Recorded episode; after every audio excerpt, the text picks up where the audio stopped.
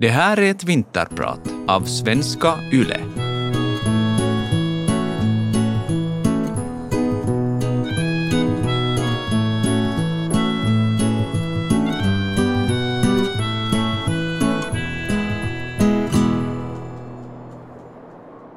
Ibland känns det faktiskt som att det är på liv och död. Då jag står här i kulissen och väntar på mitt stick.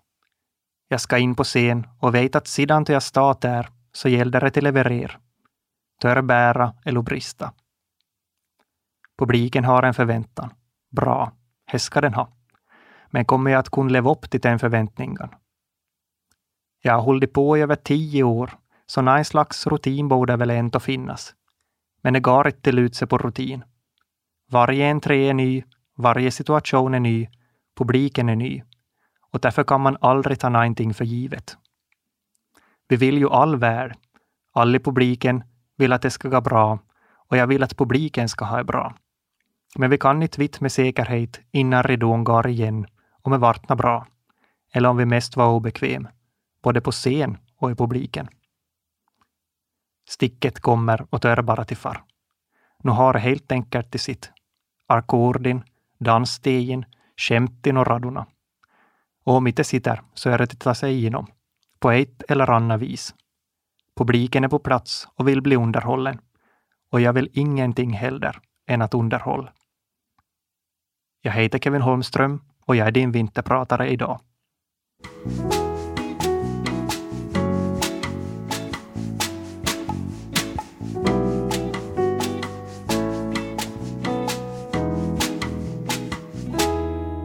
Hur föds en speleman egentligen? I mitt fall så började jag i väldigt ung ålder. Till jag var barn så tyckte jag jättemycket om att klä ut mig till cowboy och rid fram över prärien, som i det här fallet var vårt köksgolv, på min ädla springare, som var en nedärvd käpphäst. I början så var hästen ganska stor och ståtlig, men efter att jag hade hävt tillräckligt många blomvasade golv och slagit hack i varenda dörrkarm så tog pappa fram fogsvansen och sågade av mitt arabiska fullblod så att det blev till en shetlandsponny. Jag var kanske lite besviken precis då jag hade händ, men efter en tid så insåg jag nog att en ponny lämpar sig bättre då man ska jaga bisanoxan inomhus. Ja, att leva med en liten pojk som alltid vill spex och underhåll kan inte ha varit så lätt. Men om man ska bli en entertainer så måste man få uppträd. Så mycket är bara går och både i tid och otid. För uppträder man tillräckligt mycket redan i unga år så får man tidigt läsa om både framgångar och bakslag. Och det tror jag är gynnsamt för utvecklingen. En stor framgång hade jag redan tidigt på mammos arbete. Jag var sex år gammal och hade precis blivit hämtad från dagklubben. Och jag blev väl tvungen att slå gärna en timme på kommunkansli tills man blev färdig från arbetet. Jag kom passligt till kaffepausen och en av mammos kollegor frågade om jag inte kunde sjunga en liten trudelutt för den. Det var ju inte första gången som Pavarotti var på plats, så det fanns en viss förväntan i luften. Jag hade precis lärt mig en ny låt som en äldre kompis hade sjungit. Och jag tänkte att det här är ju dunder tillfälle att ge premiär på mitt nya nummer. Så jag klämmer i med Eddie Medusa och låten Han börjar rocka. Så där studsade jag omkring. Sex år gammal, svär så spott yr medan jag spelar luftgitarr och sjunger för full hals. All mammos kollegor börjar förstås skratt direkt då första svordomen ekar ut i kafferummet. Och en av kollegorna frågar om mam vann månne pojken får allt ifrån. Men jag är nöjd och tutar på med full inlevelse. Total succé. En annan gång, några år senare, är vi hos mammos väninnor och jag tänker jag ska bjuda på en vits som jag precis har lärt mig. Angående alltså det. Alla barnen spred julglädje, utom Jens, för han spred sin mens. All mammos väninnorna viker sig och skratt. Det blir ett sällan skådat gapflabb, så pass så den håller på att lägga rulltårtan i vrångstrupan. Total succé. En av mammos väninnorna besinnar sig och säger åt mamma att hon verkar ha något som behöver gasa igenom med pojken. Jag förstår ju inte vad hon menar, men alla skrattar ju, så jag är nöjd. Succé, helt enkelt. Direkt efter att skrattfesten har ut så berättar min äldre bror för mig vad mens egentligen är. Jag inser snabbt att jag är han enda som inte hade koll på vad som just blev sagt. Jag skäms som en hund och hela världen stannar. Skammen som fyllde mig är så bottenlös att jag bestämmer mig för att gå ut och ses i bilen. Jag går inte inna vidare. Jag överväger länge och noga om jag någonsin ska visa mig bland folk igen. Det finns ju faktiskt den som bor i sin bil. Jag är åtta år. Varför håller man på egentligen? Med spex och sång, humor och dans. Risken att det blir en total flopp. Att man ger bort sig. Totalt. Plötsligt står man där med byxorna ner och skäms så fullständigt. Kallsvejtin slår ut och livsgniston slocknar. Eller inte bara slocknar, utan begravs en bra bit under markytan så man får gräv och sök för att få han tillbaka. Varför utsätter man sig? Jag vet faktiskt inte. Troligen bara för att jag inte vet något bättre. Eller så är det för he, att ingenting känns så bra som då jag lyckas.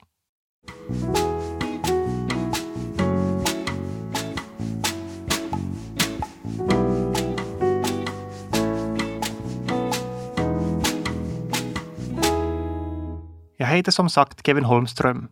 Jag är född och uppvuxen i Koumosan, en liten by som ligger i Österbotten, ungefär mitt emellan Jakobstad och Vasa. Jag är 27 år gammal och anledningen till att jag är här och håller låda idag är för att jag är K1 i KAI. Humorgruppen som morrar och tutar ut när småskryp underhållning i svensk Finland med jämna mellanrum. Vi har med Kai bland annat gett ut några album, skriver en musikal och har vi 8000 personer på kalas i Botniahallin för att fira tio år som band. Jag har alltid älskat underhållning. Både att bli underhållen och att underhålla. Att sitta i en mörk salong tillsammans med främmande människor och skapa någon form och spektakel är något av det bästa jag vet. Att få fly verkligheten för en stund. Få sina egna idéer och uppfattningar ifrågasatt eller helt enkelt bara få skratta lite och endera kul eller något eländigt. Och jag var väl där någonstans i mörkret så jag tog beslutet att börja på med själv. Intresset vaknade redan i dagis och jag växte till sig under lågstadiet. Jultablåer, teatrar och lucia-uppträdande var viktiga inslag i byskolan i Komosan och jag var alltid ivrig på att få en fin roll. Jag minns en teater som vi skrev i lag med klassen. Vi framförde den på skolans ett jubileum och jag spelade vaktmästare som hade gett för mycket plommon så att han hade fått magafari. Jag hade tydligen varit rätt underhållande för publiken, då jag svängde på där på scen med våldsam magaknip för den skratta hejdlöst. Och efteråt fick jag höra att jag borde gå med i revyn. I Orvas spelas en revy varje år på vårvintern och jag minns första gången jag skulle få faroskod. Jag hade ju hört talas om revyn, att det var en slags kul teater som jag skulle bodga med i bara jag var tillräckligt gammal. Revyn var ju inte alltid så passlig för bånörorna, men nu var jag tillräckligt gammal för att få faroskod, åtminstone. Vi ses i bilen och kör iväg till Orvas och svänger in på Orvasgården. Då vi gatar över parkeringen utanför så märker jag hur prydligt Naina Sanda. Naina Sanda uppfarten så vitt ska halk då vi går i backen på väg upp mot ingången. Det känns lite som att Nain håller mig i handen, eller rent då ge mig en kram. Nein har varit duktig och Sanda så jag inte ska hark. En Nain som tänker på mig, har tänkt på mig, red länge innan jag kommit med hit. Handkänslon håller riset och jag stiger in i foajén. Andi varma kramen släpper inte taget om mig. Jag ser kvinnor som säljer biljetten. Samma kvinnor som har tagit emot bokningen. Samma kvinnor som arbetar på mammos arbete och skrattar gott då jag, Orvas Eddie Medusa, bjöd på show några år tidigare. Vi hänger av oss jackorna i foajén. Jag är lite uppklädd. Inte som att jag är på kalas eller skoljulfest, men lite så det som att jag är på väg till stan för att handla. Lätt representationsutstyrsel skulle man kunna kalla det. Fast nu är vi ju inte i stan, utan ännu i Orvas. I salongen har man ställt fram långbord som står uppradda i riktning mot scen. Det finns stolar på båda sidorna om borden och det känns snarare som att man har kommit till en enorm kaffebjudning än att man har stigit in i en teatersalong. Då jag plingar i klockan för tredje gången så brölar det till och skakar i hela salongen. All som har varit förr har fått signalen. Nu vänder folk sina stolar mot scen och det som hade varit Orvas största kaffebjudning förvandlas nu till en smått oergonomisk teatersalong. Lamporna släcks och första numren drar igång. Här sitter vi i mörkret och skrattar. Mangoskämten handlar om lokal politik. saker som jag nog är på tok för lite inför att förstå. Men jag har inte skillnad. Inte för mig. Jag skrattar, jag. Mest åt he, att alla hade skrattar. Att alla hade verkar ha så roligt och må så bra i den här stunden. Här sitter folk och har karvat ut en ur ett år. Tagit beslutet att nu ska vi fara iväg till Orvasgården och skratt och må bra. Råkna folk och luft upp oss lite. Det är själva stämningen som berör mig mest. Det är att vi får sitta i lag och bli underhållet. Dricka en kaffekopp och prata av oss med en bowls grann. Gå hem med humöret på bättre sidon och med en vits som vi kan berätta nästa gång vi råkar en bekant. I bilen på vägen hem så sitter jag och funderar. Tänk att kunna ge det. Ett gott humör, en vits till ta i repris en dag då är modigt, en trudelutt i nynna på då man är ismänd eller har lejdon. Jag konstaterar för mig själv att det är det. Är det något jag ska börja hålla på med? Här.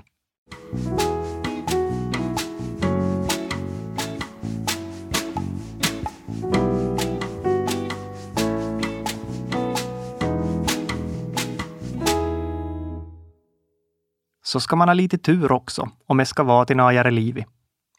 Det var villavslutning när en gång i början av 2000-talet. Vi skulle i vanlig ordning avsluta sommaren med att vara på villan och smälla raketer tills vi var alldeles sjuk i tuman och valt flintas.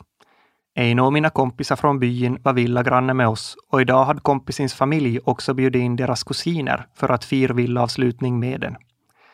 Jag förstod att en av grannens kusiner var i samma ålder som mig.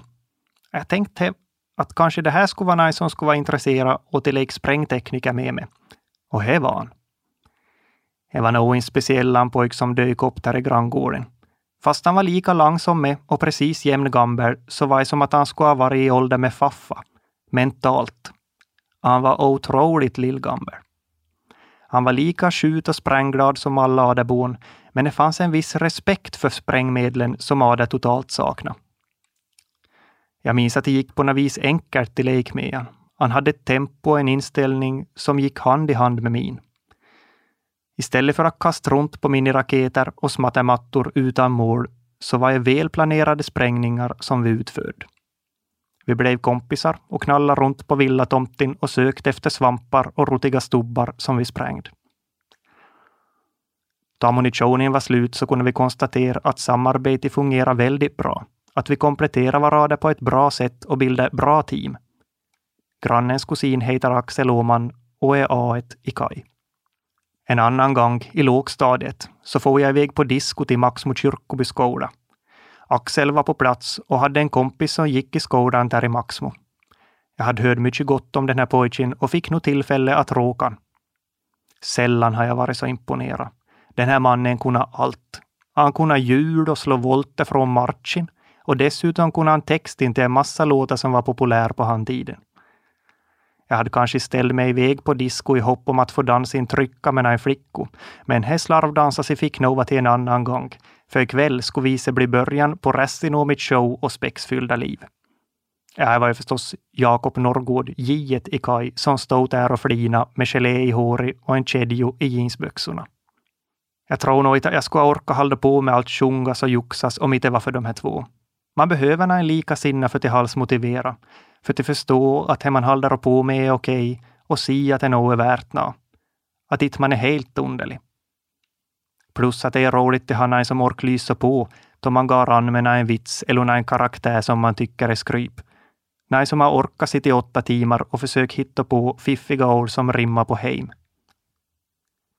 Jag tror nämligen inte att det finns så många pojkar i 17-årsåldern som vill spendera sina lördagskvällar i ett bakrum på en restaurang för att sedan spex och skojna lite i 20 minuter för varsin hundralapp. Men 1993 så föddes det tre stycken i Vörå kommun som ville göra just det. Och på sätt och vis så håller den på med en. Den har bara blåst upp det konceptet en aning.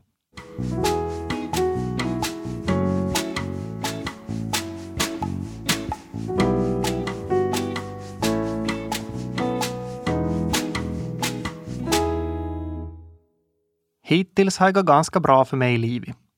På något vis har jag lyckats glida igenom mig som den tönt jag är. Alltid fått vara med och klara av att göra många saker som jag kan se tillbaka på med stor glädje. Ibland funderar jag över räkningen. Vad ska jag kosta till leva slags rampljus och vara en person som man kan känna igen från Youtube eller en affisch någonstans? Jag vet inte ännu.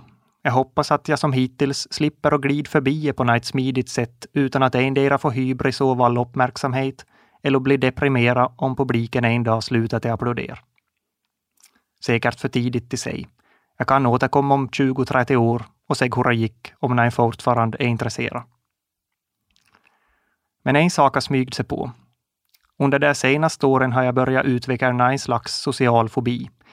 Jag får ibland svårt att vara i sociala situationer. Jag blir stressad om jag känner mig iakttagen. Det leder till att magen krampar och jag börjar spänna hela kroppen för att försöka dämpa kramperna.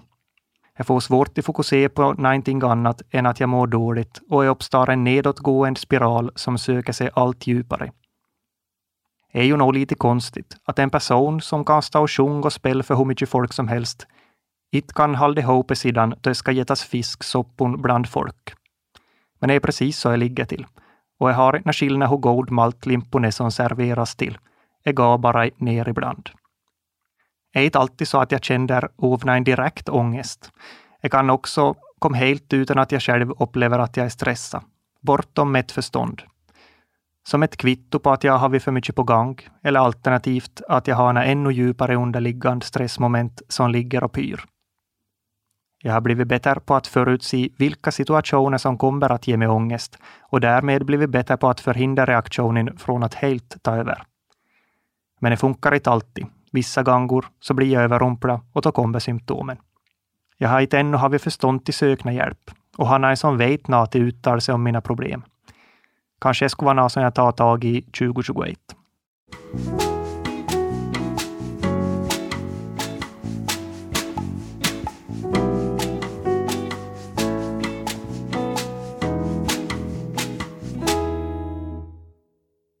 Sommaren 2012 skulle jag flytta till Helsingfors för att börja studera ljudteknik. Jag hade kommit civil till nyår och samtidigt också avsluta ett tvåårigt förhållande. Humöret var inte precis på topp, så hela våren morrade jag bara på åter hem. Skrevna en låt, arbetarna smått, men annars var tillvaron minst sagt stillsam. Så även om det var nervöst och stressigt till flytt så kändes det rätt att påbörja ett nytt kapitel i livet. Jag skulle iväg till huvudstaden och utbilda mig inom ett område som jag tycker är intressant. Och med mina bästa vänner med mig. Axel och Jakob hade nämligen också båda fått studieplats i huvudstaden, så tillsammans med sina flickvänner var den också på väg söderut. Jag hade stora visioner för hur livet i storstaden skulle bli. Nu skulle jag börja på teater och bio, ha en egen lägenhet som jag skulle inreda fint, där jag skulle kunna koka och jättegott. På helgerna skulle jag gå upp på baren och dricka öl och nu och då skulle jag hämna en nattgäst från krogen. Men det blev inte riktigt som jag hade tänkt mig. Jag förstår väl all att den som kallar engångsligg för nattgäst kommer inte att syssla med det så ofta. Och inte vart denna mängder med teater och bio heller. Tiden gick åt att vara på turné, skriva låtar och spela in videor och gå i skolan på sidan om. Det blev en hel del strul med Boasio jag fick inte en lägenhet inför skolstarten, så istället blev jag inneboende hos Axel och hans flickvän. Det var ju säkert jättekul för den som hade sin första gemensamma lägenhet. Att ha med sovandes på vardagsrumssoffan varje natt.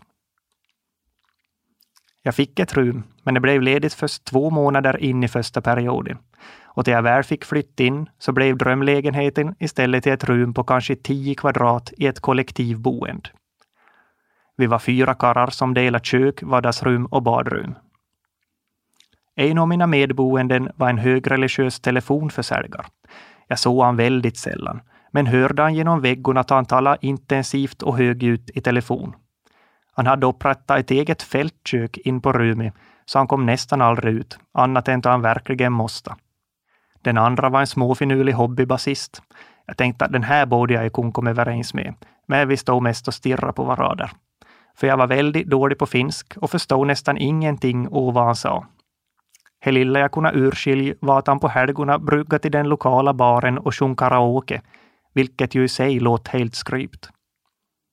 Sista man var en lågt flygande, gräsrökande matematikstuderande. Den här mannen gick runt i shorts och hade alltid en gryta som puttrade på spisen. och nu och då kom han ut ur rumiset och sleva upp en tallrik åt sig. Han hade också en flickvän som ibland kom smygande i sin pyjamas med en rödsprängd blick. Det var hon och jag som sköt om städasi i våningen. Rumimet var en liten fyrkant med ett litet fönster mot vägen. Rakt utanför fönstret stod en björk. Största delen av året stod den här bjärtsen där, helt utan löv och kastade en hotfull skugga in i lägenheten samtidigt som grenan piska mot fönsterrutan då det regnade och blåst. Dessutom så ville jag prompt ha trängt in både säng, soffa, skrivbord och TV i mitt färdigt minimala rum, så man kan säga att det var väldigt trångt. Alla mina textiler var dessutom grå, så det kändes lite som att man bodde i en reklam för antidepressiva. Ja, så ni kan ju förstå här att läget inte var optimalt för att ta hem en nattgäst från krogen.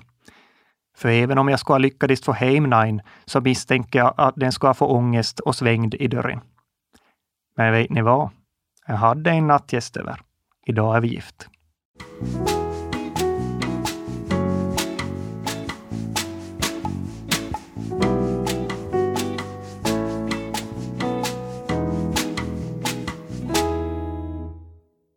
Nattgästen då. Kvinnor som vågar sig in över tröskeln i rummet som självmant tog sig genom labyrinten för att slutligen nå fram. Och väl fram så gav hon mig ett penningträ så att jag ens skulle ha en färgklick på fönsterbrädet. Det var Lina. Vi träffades på skolan på sensommaren då ännu var varmt där ute. Och vi fick väldigt snabbt upp ögonen för varader. Hon var något jag aldrig hade sett förr. Allt var nytt med Lina. Allt från hennes grafiska hår och mörka läppstift till hennes sociala intelligens och förmåga att känna in i rum. Varenda tanke som Lina serverade så vidgade min världsbild en aning. Och vi kunde prata och skratta och dela våra svagheter med varandra på ett sätt man vanligen inte kan med nya människor. Det kändes som vi hade känt varandra länge, fast vi just hade träffats. Att vara med hon så kändes tryggt och spännande på samma gång. Två känslor som man sällan upplever samtidigt. Vi började umgås allt tätare och efter ett och ett halvt år så flyttade vi ihop. Vi skulle flytta över jullovet och hade lånat pappos paketbilen i mellandagen och körde ner till Helsingfors. Mitt i allt flyttas och städas så fick vi feber båda två. Men där får vi omkring och skura. Sjuk och tröjt med vassigt embatalsåpsvatten, vassin trasu och bad bowl och stolar sängar och soffor av och an och kämpa oss igenom flytten. Med onödigt många minusgrader där ut och onödigt många plusgrader i kroppen. På kvällen åt vi faktiskt varsin biff på krogen där min medboende hobbybasist sjöng karaoke. Det var på Capulen Grilli. Det fick för min del symbolisera slutet på en era och början på en ny. Då vi körde iväg norrut igen så började jag snög och blev ovanligt slaskigt och halt.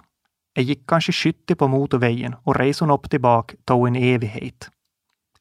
Det enda man ville i handstunden var till ses ner, dra på sig sticka sockor och dela en flaska glögg. Men nu satt vi istället i en evig bilkö fullproppad med Burana.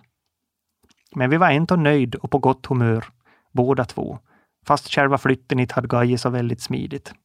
Vi skulle ju äntligen få bo i lag. Och vad var nog bättre än det? Vi gifte oss 3 oktober i år mitt i pandemins andra våg. Vi hade förlovat oss på sommaren året före och ganska snabbt efter förlovningen så började vi fundera på när och var bröllopet skulle ta plats. Vi hittade en lokal och bestämde oss för ett datum och bokade in oss. Lina köpte klänning, vi bokade catering, orkester och sammanställde gästlistan. Vi var förväntansfulla och ställde in oss på att 2020 skulle bli ett fint år. The year of the wedding, tänkte vi. I februari så kom rapporten om ett virus som spred sig på ett kryssningsfartyg i Japan. Och där beslöt man att sätta hela skeppet i karantän för att försöka stoppa smittspridningen. Det kändes kusligt. Nästan som tajuna en apokalypsfilm. Gör man faktiskt sånt? Låser in folk på en båt? Det måste ju nog vara allvarligt då. 27 mars så spärrar man å Nyland. Regeringen la upp Bowman och ingen utan vägande skäl fick färdas mellan Nyland och övriga Finland. Vi var i valet och kvaret om vi båda skjuta upp våra planer att gifta oss, men vi valde ändå att vänta och se tiden an. Vi fortsätter planera och hoppas att det skulle leta upp till hösten. Sommaren kom och det kändes relativt stabilt. Incidenstalen var ganska låg och vi spenderade mycket tid på villan eftersom gigkalendern var fullkomligt tom. Det var lugnaste sommaren jag haft på tio år. Det kändes både otroligt sorgligt och helt skönt på samma gång. Men det såg ljust ut med tanke på bröllopsfirande. Så vi körde runt på loppisar och samlade på oss mässingsljusstackar som skulle ingå i dukningen. I augusti så transformerade vi balkongen vår till ett blomtorkanrum och vi fortsatte planera och dröm om vigsel och fest. I slutet på augusti fick vi höra att den hade hittat mögel i en av väggorna på en sidobyggnad till festsalen, så väggen skulle rivas och bytas ut. Festplatsen var därmed en byggarbetsplats, men projektet skulle nog bli klart tills vi skulle gifta oss. I media spekulerar man kring andra vågen och när han skulle komma. Kär och envis som jag var, så valde jag inte att tänka att jag borde nog gå. Kanske inte blir en desto större andra våg. Vi hade redan från början valt att ordna ett litet bröllop, men följde noga med myndigheternas rekommendationer vi kunde innan bröllopet. För att ordna någonting som inte var innanför myndigheternas rekommendationer var otänkbart. I början av september, en månad före bröllopet, så började jag röra på sig igen. Folk var tillbaka från sina semestrar och skolorna drog igång ordentligt. Få se något då. Två helgor innan bröllopet så gick incidenstalet upp och spekulationer om nya hårdare restriktioner började florera. Nej, jag började gro en klump och oro i magabottnen. Få se om det här var något alls. Vikon före bröllopet så började en del av bröllopsgästerna ring och meddela att den inte kommer att närvara på grund av rådande omständigheter. Och hela tiden så spekulerade sig i vilka åtgärder som regeringen skulle vidta. Skulle vi alls få ordna bröllop?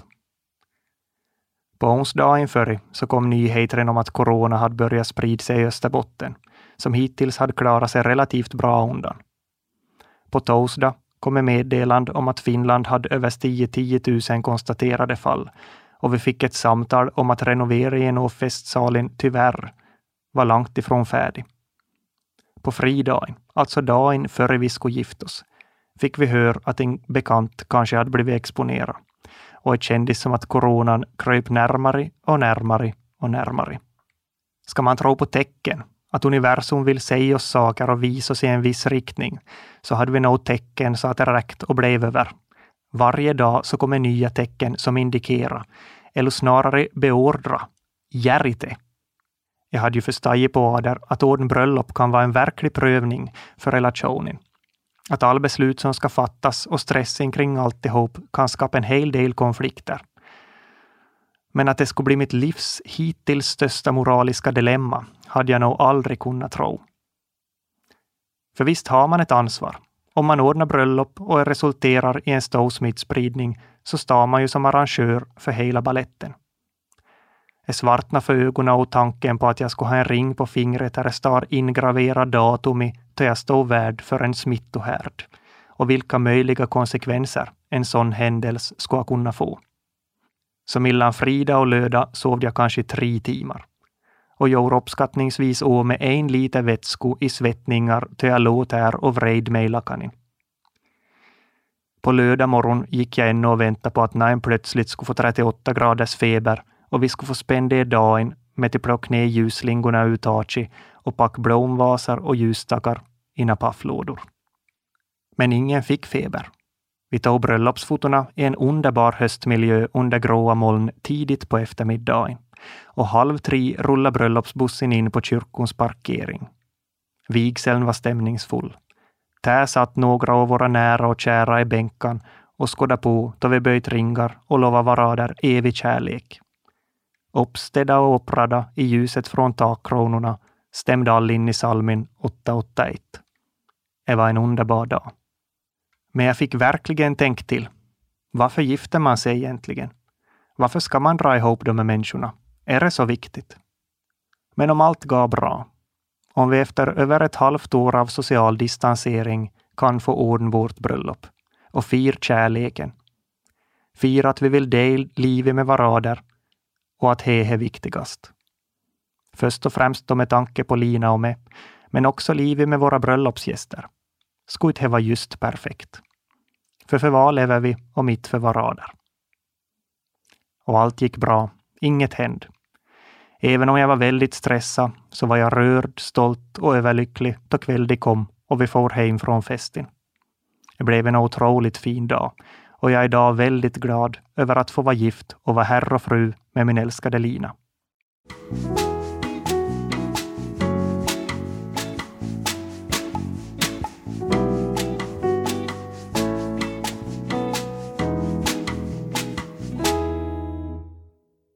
För några år sedan så satt jag i rummet med ett gomtäckt och skådade på filmen Castaway en kväll.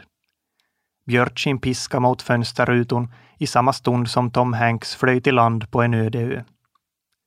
I filmen så ritar Tom in ett ansikt på en volleyboll och börjar dela tillvaron på ön med sin nya vän Wilson.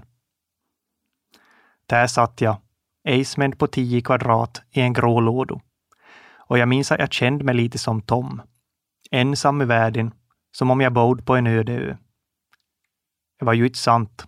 Jag hade nog människor omkring mig, men jag kände väldigt starkt för karaktären som hade blivit berövad all mänsklig kontakt. Det fick mig till reflektera över hur pass viktigt det är att få del livet med Ader. Och det blev tydligt för mig att det är det jag tycker allra mest om. Jag är lyckligt lottad som får skriva shower och musikaler med två likasinnade personer och dela det intresse med den. Det var ju ingen självklarhet att jag skulle hitta två typer som ville göra det redan vid 14 års ålder. Och att folk kommer och skådar. Så vi får bjuda dem på en kväll då vi delar upplevelsen med varandra. Som Trio med Bomba en gång skrev. Man ska leva för varandra. Och den har ett fel. Det här att vi ska umgås och vara i lag är ju ett helt okomplicerat i dessa tider.